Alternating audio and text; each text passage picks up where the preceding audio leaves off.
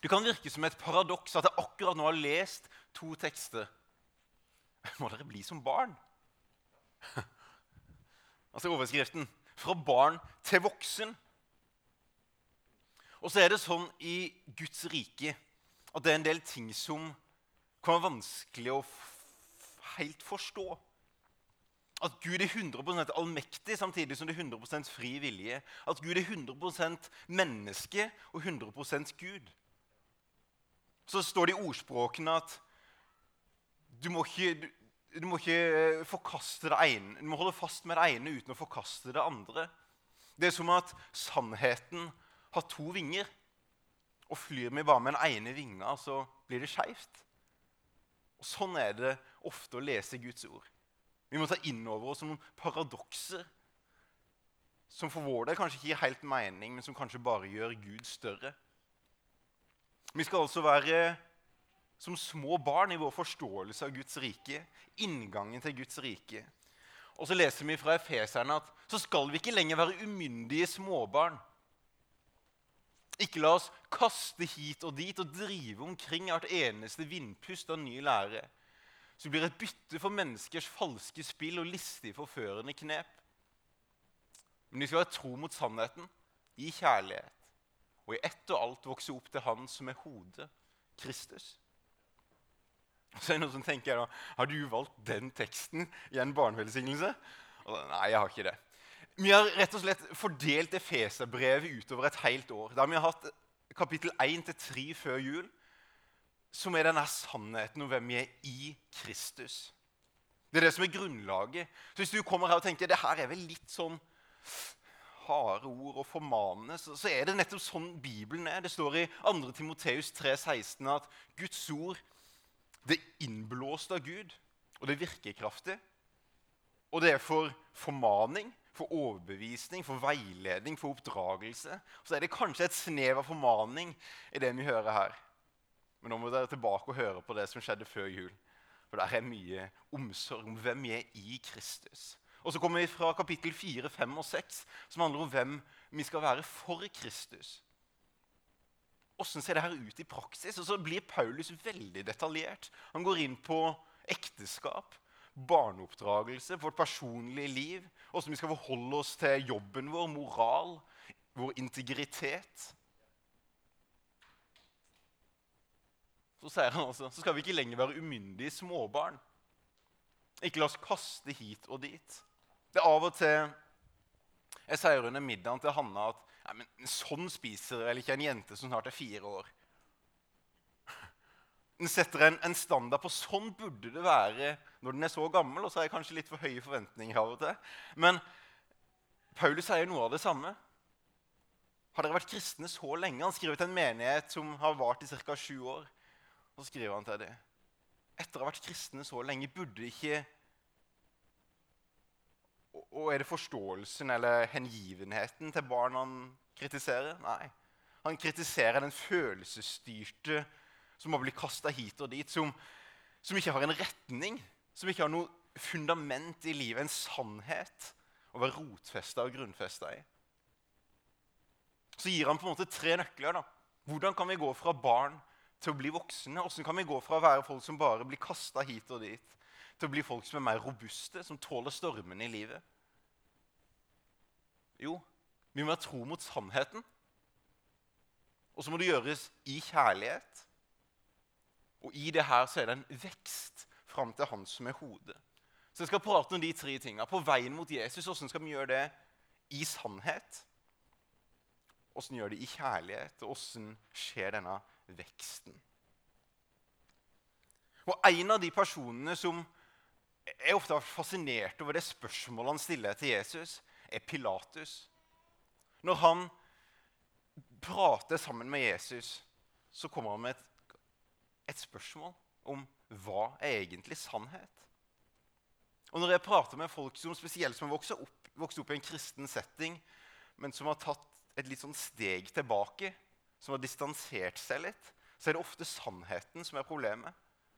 Jeg vet ikke om jeg tror det er sant lenger. Ja, jeg hadde en barnetro. Men det er jo for godt til å være sant, de greiene her. Jesus gikk på vannet, eller at han sto opp fra de døde. Så distanserer vi oss fra det. Det er sannheten som er problemet. Selv om når jeg prater med dem, så er det ikke for de jeg prater med, så er det ikke så ofte at det er det at de har satt seg ned og lest 20 bøker om det her for å finne ut av er det her egentlig sannhet. Det er mer distansen som gjør at sannheten kommer litt på avstand. Og så stiller Pilatus et viktig spørsmål. Hva er egentlig sannhet? Art thou a king then? Thou sayest that I am a king. To this end was I born. And for this cause came I into the world, that I should bear witness unto the truth. Everyone that is of the truth heareth my voice.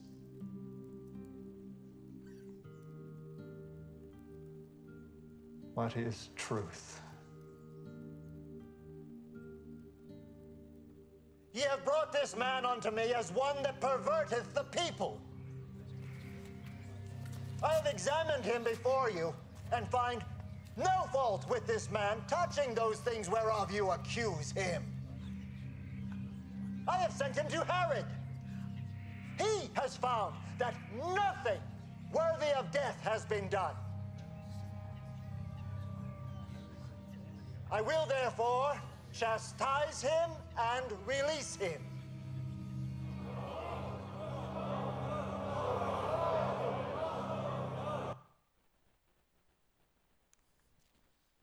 Hva var Pilatus sin vei mot å finne sannheten? Kanskje noen av oss syns sannheten med kristentro er noe av det som er mest utfordrende, kan lære noe av Pilatus.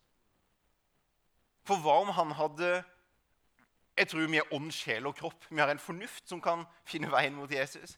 Vi har en kropp, noe fysisk. For noen så er det de møtene med noen enkeltpersoner, mens for andre så er det den åndelige opplevelsen at Gud finnes, som er det viktigste. Her er vi litt forskjellige. Men jeg tror Pilatus kunne brukt fornuften sin. Han kunne sjekka loven, og det var det han gjorde. Derfor sa han til folkemengden jeg må løslate han. Det her er det som er fornuftig. Det var veien hans sin til, til den sannheten han trodde. Men så hørte han mer på folkemengden enn han hørte på sannheten.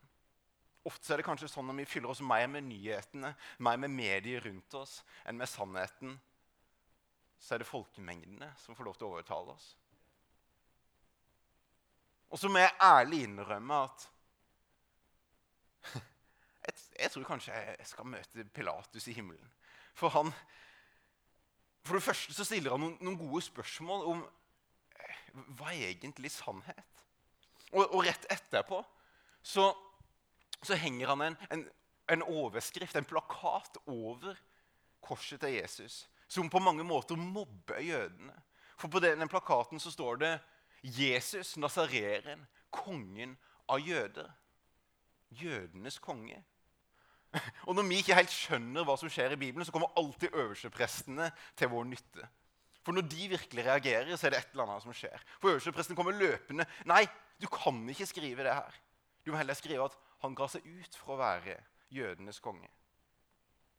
Og jødene var eksperter på koder i Bibelen. sånn som Hele Estras bok var skrevet på den måten her, at hver første bokstav kunne, ga en mening i seg sjøl. Hvis du tar første bokstav av det Paulus skrev der, så er det YHWH, det uttalte navnet på Gud, Jave. Det navnet som ikke jødene engang kunne si høyt. Det plasserte han over Jesus. Det her er Jave.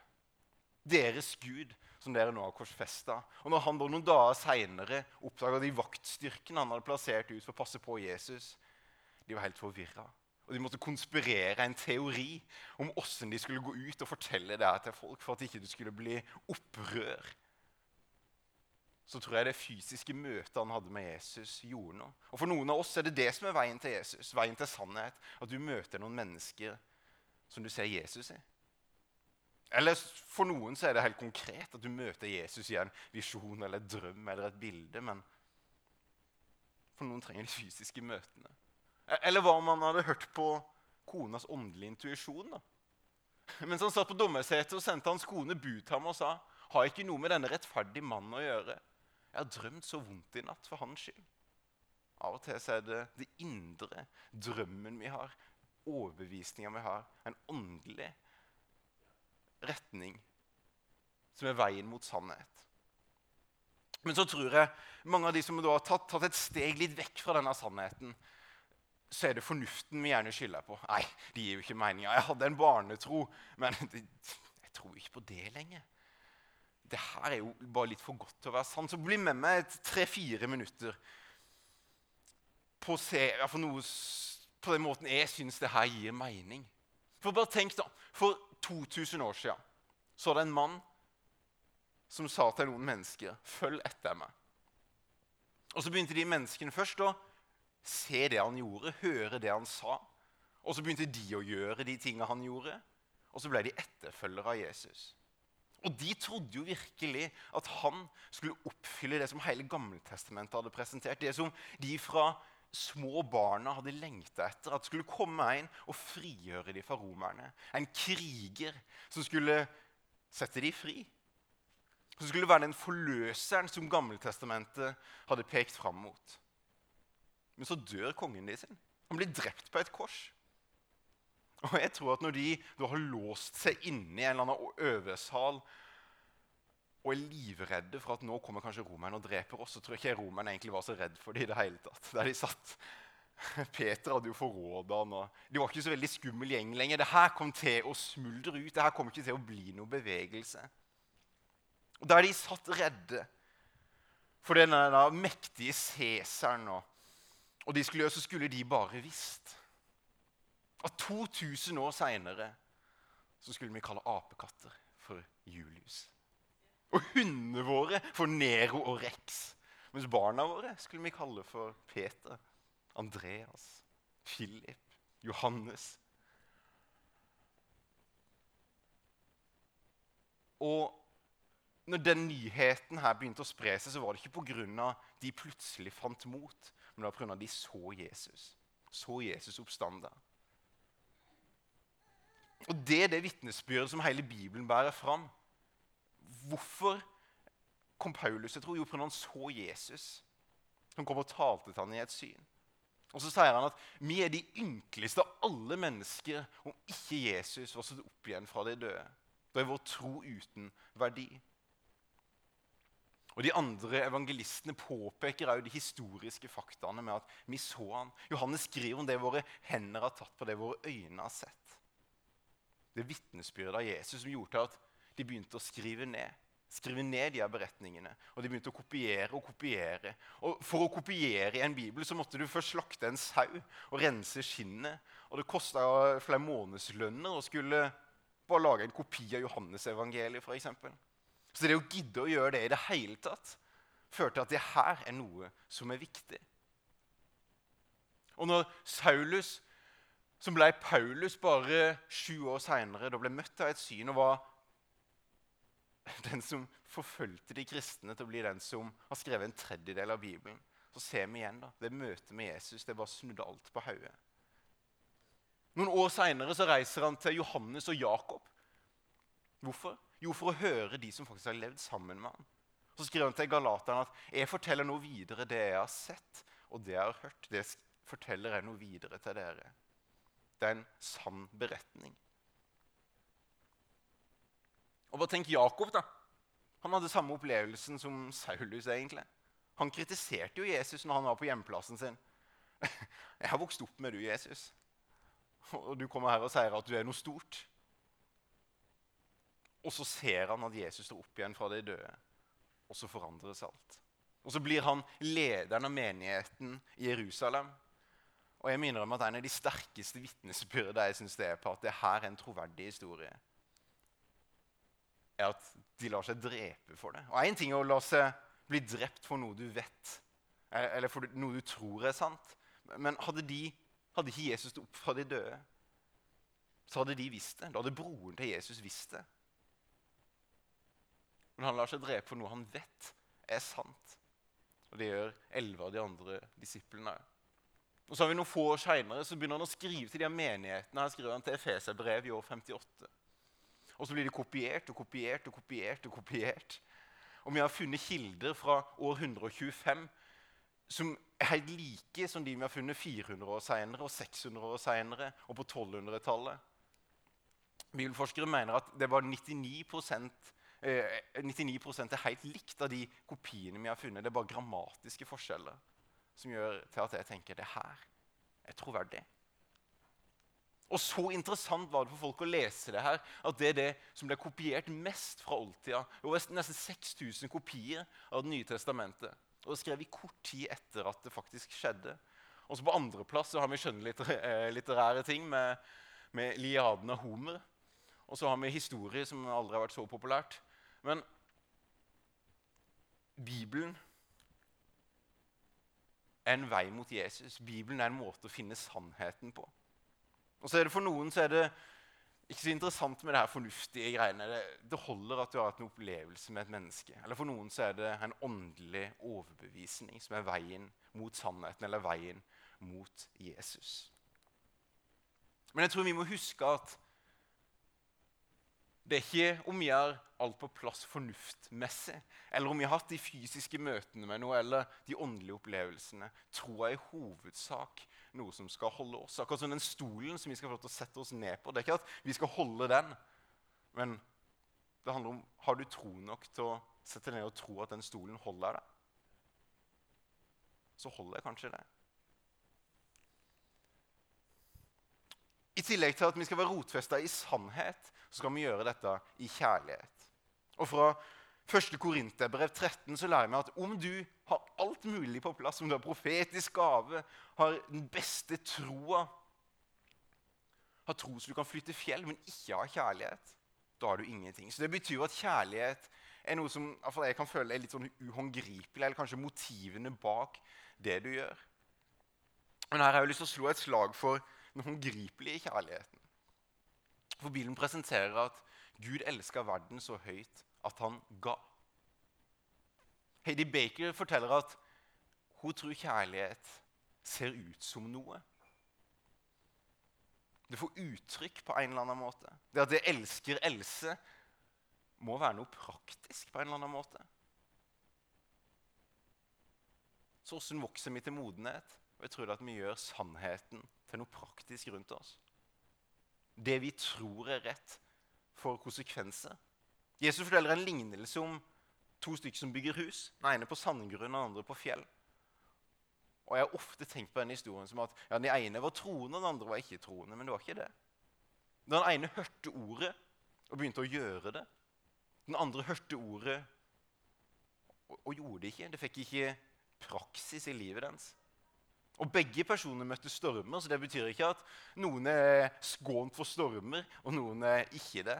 Begge møtte stormer, men det var ett av husene som ble stående, og ett som raste ned. Kjærlighet ser ut som noe. En kompis av meg fortalte at den jula her så, så, så, så, hadde de et juleselskap sammen med familien. Og Han har en onkel som er litt sånn filosofisk. Og når de satt rundt julebordet, så, så stilte denne onkelen et spørsmål som fikk til å bli helt stille rundt bordet. Han, han spurte hva er det vakreste dere vet. Og da ble jo selvfølgelig alle de andre litt sånn stressa, for de måtte jo svare på det her. Og så, begynte folk å, en etter en å fortelle hva, de vak hva det vakreste de visste var. Og så var det folk som var ganske bereist. så det var Mange som fortalte naturopplevelser eller solnedganger på savannen. Så gikk det runde på runde, og den ene naturopplevelsen overgikk den andre. Og så kom de til denne onkelen. Alle var litt spent på hva han skulle si. Og så begynner han med å si Jeg er ikke så overbevist over det dere har sagt. Det vakreste jeg vet, det er det bildet jeg har av min bestemor som holdt hånda til min bestefar når bestefar gikk vekk. Det er bildet av trofasthet. Trofasthet er det vakreste jeg vet. Jeg tror kjærlighet ser ut som noe.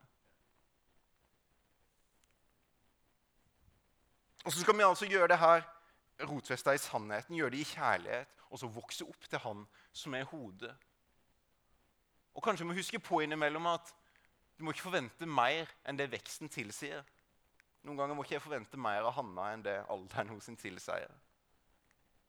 Men vi forventer vekst. Vi forventer at det er en utvikling. For å få et epletre til å bære godt, så er beskjæring nødvendig. Noen ganger tenker vi at det handler bare om å vokse. Men for å vokse må man kutte av det som ikke ligner på han vi skal vokse mot, som er hodet. Gud er tålmodig. Men det er det egentlig som krever vekst. da. Det er jo interessant å se bare på et, på et tre. Jeg synes Det er noe av gøy, det gøyeste spørsmålet å stille til naturfagets klasse. Hvordan kan et tre bli så stort? Hva er det egentlig et tre spiser, sånn at det kan bli nesten 100 meter høyt? Og Når jeg stiller det til tredje, og fjerde og femteklassinger, så er det alltid den første hypotesen som kommer med. De spiser jord. Og Da går vi selvfølgelig ut i skauen og sjekker er det sånn at det er groper rundt trærne i skauen. At de bare spiser opp jorda, for da burde det jo vært mindre jord rundt de store trærne. Og så finner vi ut at nei, det er jo ikke sånn. Nei, da må det jo være vann. Og Da sjekker vi vannprosenten i trærne. Nei, det er jo ikke mer enn 30% så det kan jo ikke være det heller. Så hva er det trær spiser for å bli så store, da? Ja, kanskje litt mineraler. De blir ikke så store av mineraler, vet du. Og Så kommer vi til slutt fram til at de spiser jo karbondioksid. De spiser CO2. Og Så puster de ut en oksygenet til vår fordel, og så lagrer de karbonet. Og så kan det bli en så stor masse. De vokser på noe vi ikke ser. Vi trenger å tilrettelegge for god jord rundt oss. For at det er noen mineraler. For at det er noen som vanner oss innimellom. Men det er Gud som gir vekst. Og nå har vi egentlig presentert en liten del av det som er Guds plan for vår, vårt liv. Det er At vi skal bli rotfesta i sannheten. At vi skal gjøre det i kjærlighet, og at vi skal vokse. Men så har jo djevelen en plan for vårt liv. Han ønsker ikke det. Han ønsker å stjele, drepe og ødelegge. Og I 1. Peter så står det at så vær da edru og våk, for deres motstander djevelen går omkring som en brølende løve og søker noen han kan oppsluke. Står ham imot, faste i truen. Jeg får aldri som Mathilde med på å se dyredokumentarer. Så Planet Earth og de der, det må jeg se aleine. Men jeg har sett nok dokumentarer til å skjønne at når det er en løve som skal ta en antilope, så går han ikke på det sterkeste dyret i midten. Han går på de som har rota seg vekk fra flokken. Så jeg tror det viktigste for å bli værende i sannhet, for å kunne gjøre det i kjærlighet og vokse opp til Han som er hodet For det første må vi passe på å ikke bli drept. Kanskje vi kan greie å unngå å bli drept med å holde oss sammen med andre kristne. Være pålogga en familie. Om Noel hadde vokst opp uten en familie, så hadde han fått noen mangler. Sånn er det bare. Vokser du opp uten en familie? Eller er du pålogga noen andre kristne som kan hjelpe deg? Og veilede deg og passe på at ikke du blir drept? At ikke du faller fra? Og så er vi jo veldig glad for at uh, løver ikke kan snakke. For tenk om denne løven kunne bare overbevist antilopene om at de for var et annet dyr enn det de egentlig var. Det hadde vært himla greit for denne løven. At de bare overbeviser antilopa at du er egentlig en bjørn. Og så får de denne antilopa til å gå til elva og stå der med klauene sine og prøve å fange fisk hele dagen. Og utmagra så blir de et lett bytte. Det er jo godt det ikke er sånn for oss, er det, er det ikke det? At djevelen kan overbevise om at vi skal frykte mer enn vi skal tro på Gud, f.eks. Eller få en befolkning til å tenke at ja, jeg vet ikke om jeg er jente eller gutt. Eller. Jeg tror vi må være forsiktige med at kampen står her oppe. Kampen står i sinnet vårt. Og det vi fyller oss med, preger oss. Så Bibelen sier at så la da Kristi ord få rikelig plass hos dere, så vi med visdom kan lære og rettlede hverandre. I Johannes 8 står det at hvis dere blir i mitt ord, er dere virkelig mine disipler. Da skal dere kjenne sannheten, og sannheten skal gjøre dere fri.